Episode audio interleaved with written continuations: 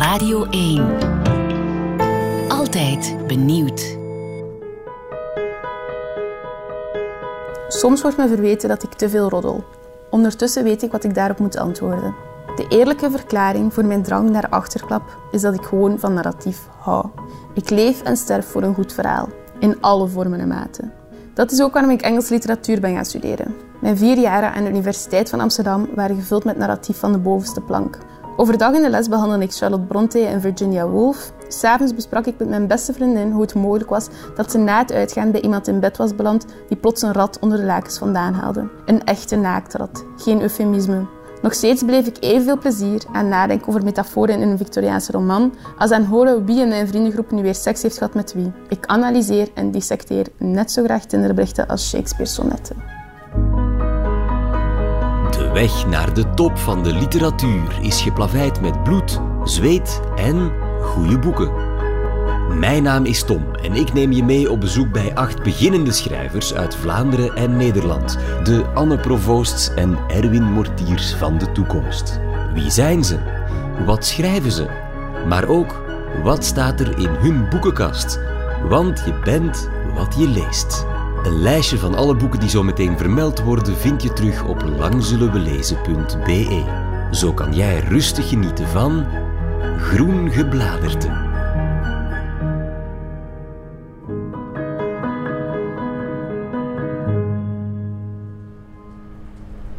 Ibe Rossel die neemt haar literatuurstudie duidelijk heel erg serieus. Ze debuteert op haar 22 met Shakespeare kent me beter dan mijn lief. Waarin ze onderzoekt wat Jane Austen ons bijvoorbeeld leert over daten of Salinger over uitstelgedrag en ga zo maar door. Ook haar Instagram bulkt van de boeken en haar kot is naar het schijnt een soort van bibliotheek voor al haar vrienden. Ik ga dat nu meteen live checken hier in Gent en ik denk dat ik haar al uit het raam zie hangen. Ah, daar! Goedemorgen, merci. Ik ben nog nooit in een studentenkot geweest waar zoveel boeken waren. Je hebt die echt van thuis mee. Maar ik heb die ook vooral hier een beetje verzameld uh, tijdens mijn uh, studententijd. Het is de, de klassieke vierkante kast van een Zweeds meubelmerk. Bomvol. Ja. Uh, er is bijna geen plaats meer. Op, in sommige vakken liggen ze zelfs um, dubbel gestapeld, de boeken. Mm. En inderdaad, je hebt een uitleenlijst de ontdekking van Urg aan Jeff Drift aan mama. dus iedereen komt hier zo'n beetje plukken bij ja, jou. Dat is, ja, uh... ja, de lokale bibliothecaresse. Zo word ik wel eens genoemd. En is dat, werkt dat met boetes? Uh, nee, gewoon met kwade berichtjes. Zit er een orde in je boekenkast? Het is alfabetisch. Het is een echte bibliotheek? Ja. ja. Oké. Het, is, het is grappig, want ik heb uh, zo een paar vriendinnen van mij die echt zo er heel hard op staan om dat zo op kleur te rangschikken, zo'n regenboog. Maar ik vind dat zo onpraktisch en echt heel irritant als ik bij mensen thuis kom en er staat op regenboog. Dus daarom was ik heel blij dat mijn boekcover bijvoorbeeld, die is expres allemaal verschillende kleuren, zodat dat met dat systeem gewoon niet gaat. Welk van deze boeken heb je al het langst? Ik heb heel veel Annie M. G. Schmidt gelezen. Dat was echt mijn grote favoriet. Maar ik... Ah ja, ik weet het. Dit boek, ik had daar een andere versie van als kind, maar ik was daar echt geobsedeerd door. En ik heb deze onlangs op eBay gevonden en ik heb die dus teruggekocht. Dus duizend families van Uwe Omer. En dat is eigenlijk echt zo'n vrij eind jaren 90 boek. Met zo foto's van families over heel de wereld. Maar ik heb daar heel erg zo kinderherinneringen aan, dat ik naar die foto's keek en daar allemaal verhalen zelf bij verzon. Dus dat was eigenlijk zo mijn eerste echte prentenboek dat ik mij herinner. Ik heb als kind echt een, even zo'n obsessie gehad met zo alle culturen van de wereld. En ook heel lang zo... Ik had zo'n boek van UNICEF over allemaal verschillende religies. En ik heb als kind dan ook een heel religieuze periode meegemaakt. Maar als een echt van...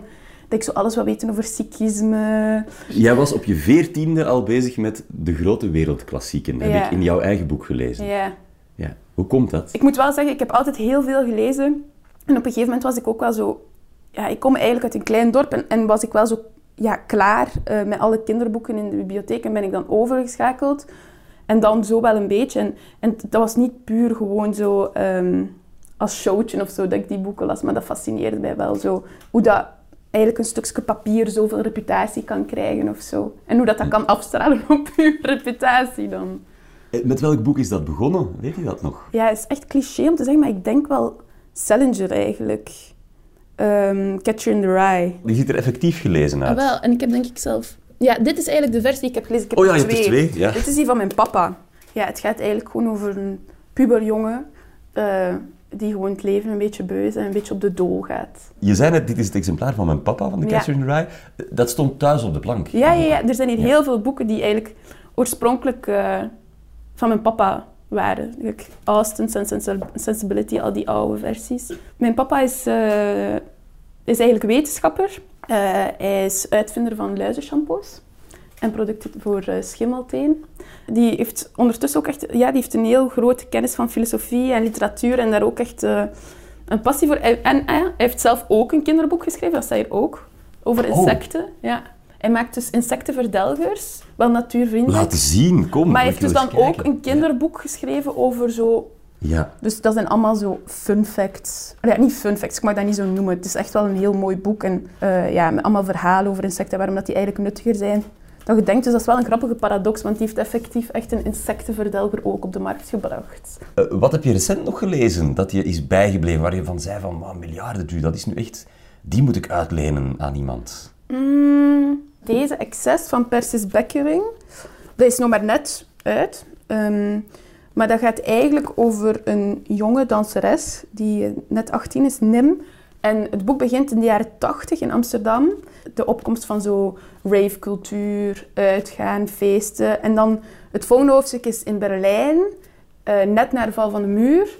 Dan is er eentje in New York in de vroege jaren 2000, in Londen en dan terug in Amsterdam. En je ziet haar zo opgroeien. Het gaat heel veel over dansen, betekenis voelen, zoeken in leegte. En het is ook heel tof. Het is een bewerking van een klassieke opera, Lulu. Alle mannen met wie zij iets heeft, die sterven. En dat zit dus ook een beetje in dit boek. En ze, hebben dat dan zo, ze heeft dat dan zo wat verwerkt. Dus het is echt een heel cool boek.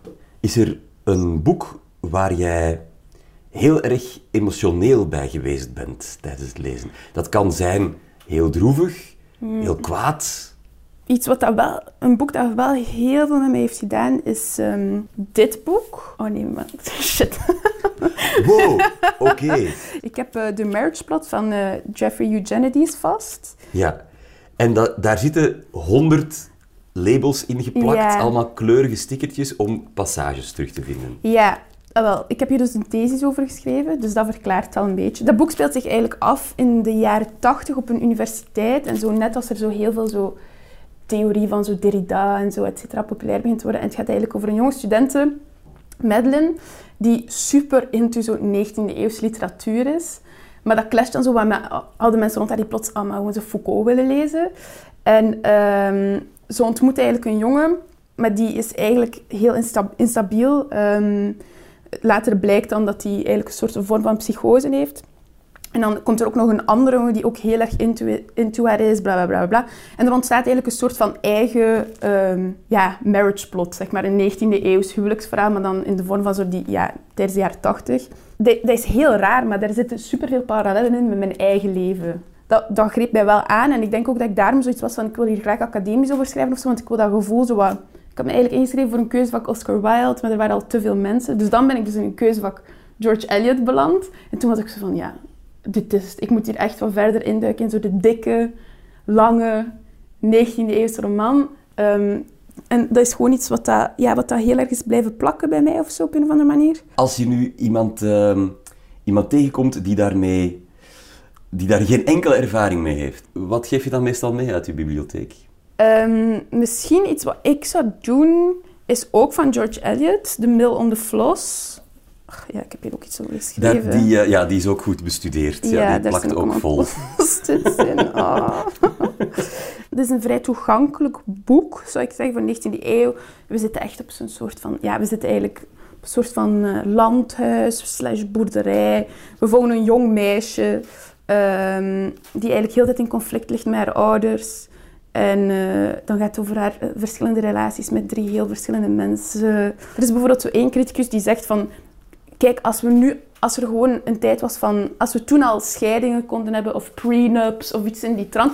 Gewoon, er zou niets geschreven zijn in de 19e eeuw. Het zijn altijd zo'n kleine problemen die gewoon echt heel makkelijk verholpen zouden kunnen worden. Maar dat gebeurt gewoon niet. Als jij zo echt ehm, puur voor het genot zo even tussendoor iets leest, is dat dan helemaal, iets helemaal anders? Of ga je dan toch terug naar die, eh, de classics?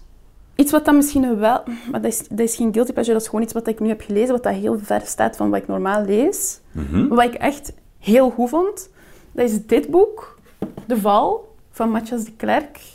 Dat boek gaat dus over wielrennen, het is non-fictie. En ik dacht echt van... Ik geef echt geen moer om wielrennen. Dat interesseert me echt niet. Het is eigenlijk een heel tragisch boek.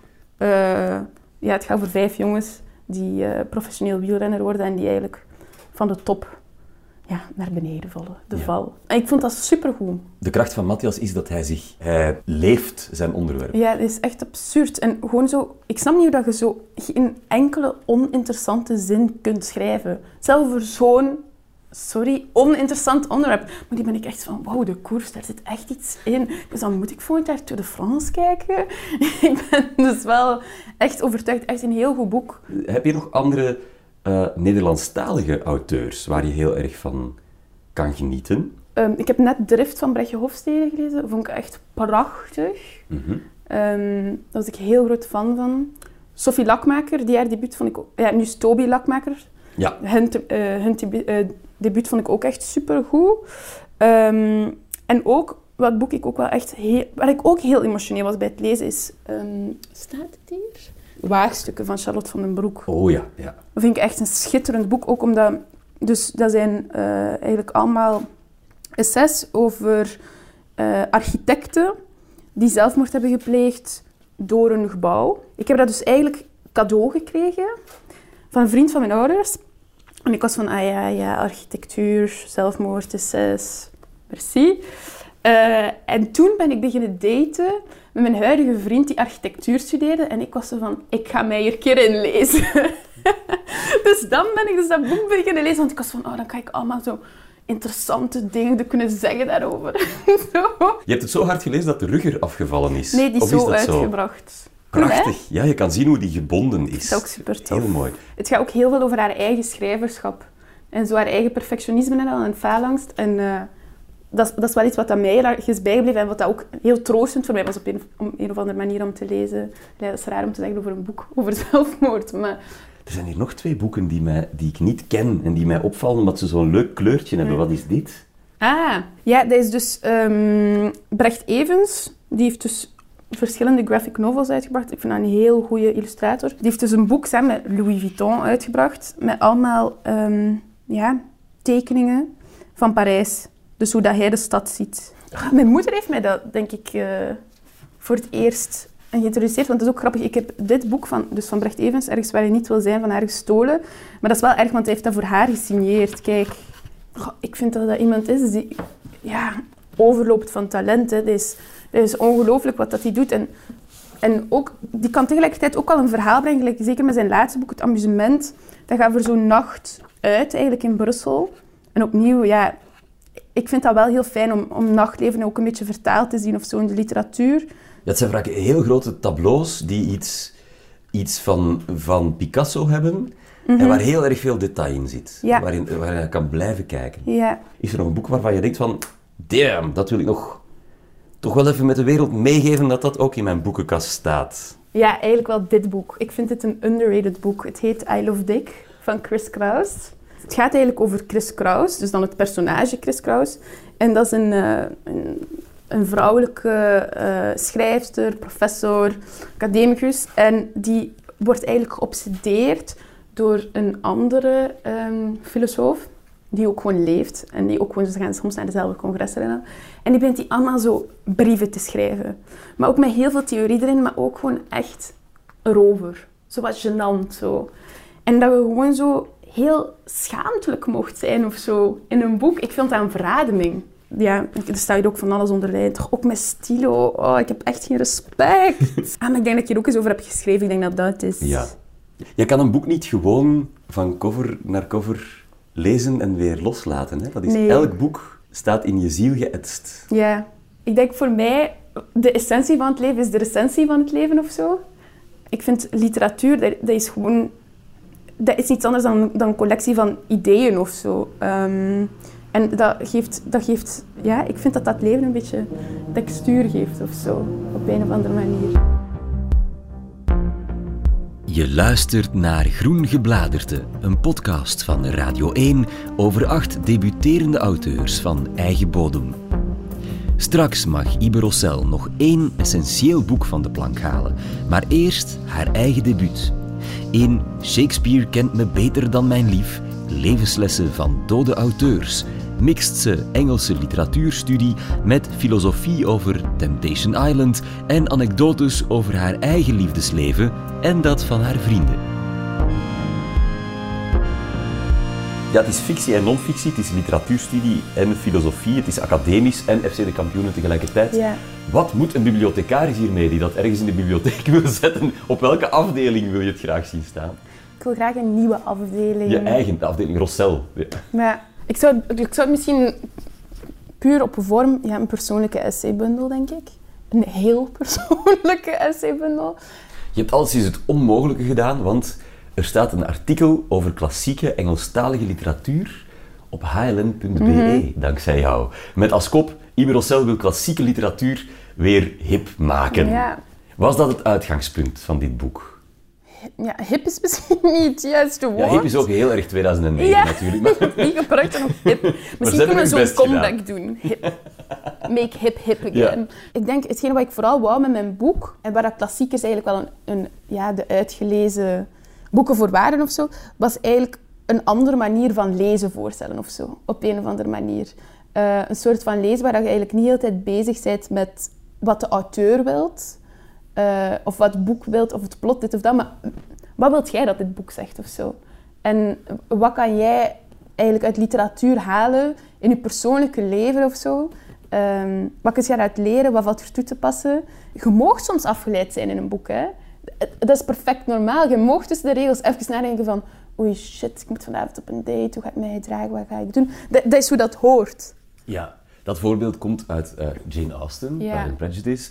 Ze vinden jou ook leuk, hè, is de titel van dat hoofdstuk. En dat doe je dus ook met Eliot, met Shakespeare, met Kerouac, met Melville, met Salinger. Je geeft ze eigenlijk een, een update naar 2021. Ik vind dat heel ambetant als je zo heel tijd bezig moet zijn met historische context. Dat kan ook heel interessant zijn, maar ik vind gewoon lezen in een vacuüm, dat, dat werkt gewoon niet. En dat is wel hoe dat, zeg maar op de universiteit, op middelbare school, dat wel heel erg worden geleerd. Bijvoorbeeld ook gewoon puur het feit dat we heel vaak op een chronologische wijze door de literatuurgeschiedenis gaan.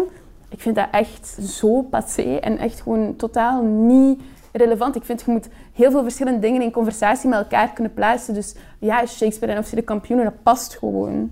Wat je doet is eigenlijk, je analyseert telkens hun werk eerst vanuit een soort eh literatuur-historisch perspectief, maar dan begin je terug te koppelen naar je eigen eh, moraal en morele principes en voorbeelden uit je vriendenkring die dat dan moeten staven. Wat vinden de vrienden van het feit dat je hun vuile amoureuze was hebt buitengehangen?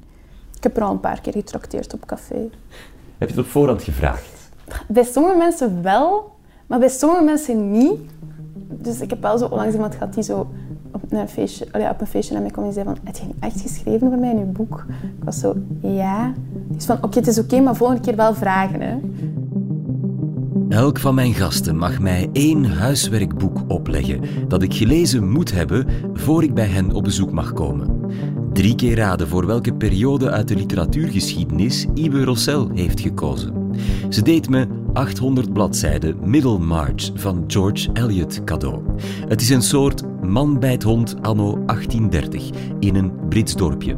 We volgen tientallen personages die worstelen met liefde, levenskeuze en de vooruitgang die hen op de hielen zit. Die begrijpt haar personages zo goed.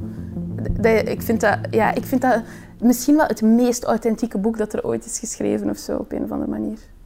Ja, aan de ene kant is het eigenlijk een klassiek huwelijksverhaal dat je hebt. Dus echt klassieke 19e-eeuwse marriage plot.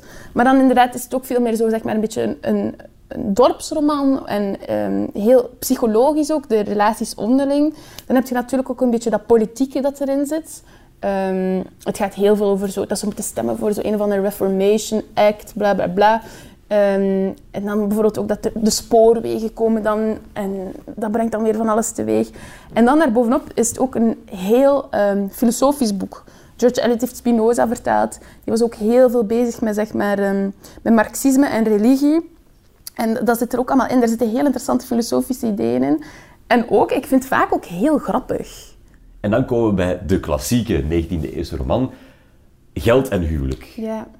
Erfenis, specifieker, Ja. en huwelijk. Daar is iedereen in die hele 19e eeuw door geobsedeerd. Ja, dat is ook dat is misschien een beetje specifiek nu om te zeggen, maar in Middlemarch is het ook zo interessant hoe dat George Eliot daarmee bezig was. Is, want er is dan bijvoorbeeld ook de mannelijke personages, er wordt bijna altijd over hun gepraat met een achternaam, behalve bij Will, waar dat het de hele tijd draait om die erfenis. Dus, en dan ben ik echt van, oeh, hier wil ik over schrijven. Ja, wauw, wauw, dat had ik nog niet door. Het is vooral ook een encyclopedie van personages. Mhm. Het zijn er tientallen, allemaal ongelooflijk gedetailleerd uitgewerkt. Mhm. Wie is je favorietje? Ik vind Rosamund heel boeiend. Ehm, omdat dat is geen goed mens, maar ook wel een personage dat eigenlijk heel erg bezig is met uiterlijk vertoon, zoveel mogelijk geld wilt, totaal niet bezig is met wat goed is, bijvoorbeeld voor haar familie, voor haar man, maar vooral heel veel met zichzelf. Maar ik vind dat een heel interessant personage, omdat dat boek veroordeelt daar nooit heel expliciet of zo. En zo, het is zo makkelijk om van een personage echt een antagonist te maken of zo. En dat, dat gebeurt nooit of zo. Het is zo altijd op het randje dat je wel nog op een of andere manier compassie hebt, maar dat je ook wel zo kunt zijn van oei, gedrag ik mij te veel zoals haar? Ehm, wat kan ik veranderen? Uit welke fouten kan ik leren? Dit en dat. En dan natuurlijk ook Dorothea, het hoofdpersonage, is ook gewoon... Die is ook gewoon briljant uitgewerkt, omdat... Dat is dan echt zo een weldoener, een goed mens, een lieveke. En toch toont dat boek ook tegelijkertijd hoe naïef dat hij is. En die twee waarheden kunnen naast elkaar bestaan of zo. En dat, dat vind ik gewoon ja, schitterend aan dat boek. Wel een vette kluif voor Mm. iemand die dat niet gewoon is. Ja, Hoe leesbaar is Middelmaart nog? Mijn vriend en dan mijn twee beste vrienden, eh, die hebben nu eindelijk beloofd het effectief te lezen. Dus die hebben nu een leesclubje opgestart. En ze doen nu zo elke drie weken doen ze dus 100 pagina's. Dan komen ze samen om het te bespreken. Wat mooi, en zo is, hè? zo is het wel goed. Het is ook gewoon tussentijds erover te kunnen praten. Ja. Ik, ik heb het ook voor de eerste keer gelezen in de context echt van eh, een vak dat ik volgde. Dus dat we dan zo elke week 200 pagina's moesten lezen. Dan hadden we een bespreking daarvan. En dat, dat is de fijnste manier. Je moet niet in één trek uitlezen aan het zwembad. dat is gewoon geen goed idee. Je linkt het in je eigen boek aan ehm, je zin krijgen. Hè? Wat vertelt Middelmaart ons over je zin krijgen? Dus er zit een metafoor in Middelmarch van het web. Dus dat iedereen is verbonden eigenlijk met allemaal onzichtbare draden en garen en bla bla bla. Ehm, en dus je moet er eigenlijk voor zorgen dat je die draden steeds meer naar jezelf kunt toetrekken eh, om te krijgen wat je wilt. Maar je moet dat een beetje onopgemerkt doen, zodat de mensen rond je niet te baldadig worden, zeg maar. Die vrouwen in het boek hebben eigenlijk allemaal een verschillende tactiek. Ehm, en ik bespreek dan die tactieken. Heel veel mensen denken ook nog steeds dat George Eliot een man is. Het is wel een mannelijk pseudo- pseudoniem Ja, van een schreef- vrouw die, schreef onder mannelijk. die in, een, in een tijd schreef. Maar het was toen al vrij acceptabel eigenlijk om als vrouw te schrijven. Ze begon eigenlijk met schrijven eh, onder pseudoniem, omdat ze zo het, het gevoel had dat ze toch minder serieus werd genomen eh, als ze als vrouw zou publiceren. Want ze heeft bijvoorbeeld geen staatsbegrafenis gehad en zo, wat dat wel gangbaar was toen. Ik bedoel, als het boek was geschreven door een man, had ik het even goed gevonden. Als het precies zo had gestaan, eh, natuurlijk. Maar ik vind zo'n figuren zijn gewoon iets waar we ons denk ik echt kunnen aan optrekken. Over de literatuur zijn er ook nog steeds heel veel eh, oude witte proffen die erover spreken. En dan zitten we weer terug op dat punt van zo'n beetje dat elitaire, zo'n beetje dat gatekeepen en zo. En daarom wil ik dus ook echt die alternatieve manier van lezen voorstellen, zodat we ook op andere manier en met nieuwe blikken, met andere blikken, naar die klassiekers kunnen kijken of zo. Op een of andere manier. En dat, dat daardoor dat dan ook weer toegankelijk gemaakt wordt en dat eigenlijk van buitenaf het kanon verandert in plaats van van binnenuit of zo op een of andere manier. Wat is de volgende stap dan, nu je officieel voor het schrijverschap gekozen hebt na je studie? Er komt geen jeugdwerkende beter dan mijn lief 2.0. maar ik ben wel met een projectje bezig dat een klein beetje op lijkt, maar dat wordt geen boek. Eh, dat is allemaal nog heel pril. En ja, ik heb ook een, een heel, heel, heel, heel pril idee ehm, voor een tweede boek, maar dat meer een vertellende vorm gaat aannemen. Dus meer romanachtig. Alle boeken die in deze podcast de revue passeerden, vind je terug op langzullenwelezen.be, het boekenplatform van de openbare omroep. Als je inspiratie vond in dit gesprek, dan hebben we ons doel bereikt. Deel gerust je enthousiasme met een beoordeling of een aanbeveling in je favoriete podcast-app. Daar kan je ook de vorige twee seizoenen van Groen Gebladerte beluisteren. De prachtige muziek die je hier hoort werd speciaal voor ons gecomponeerd door Sander de Keren.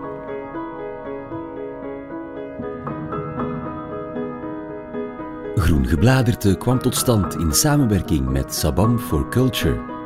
Een podcast van Lang Zullen We Lezen voor Radio 1.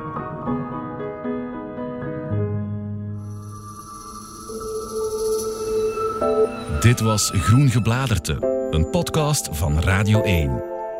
Ontdek nog meer podcasts van Radio 1 in onze app of op radio1.be. Radio 1. Altijd benieuwd.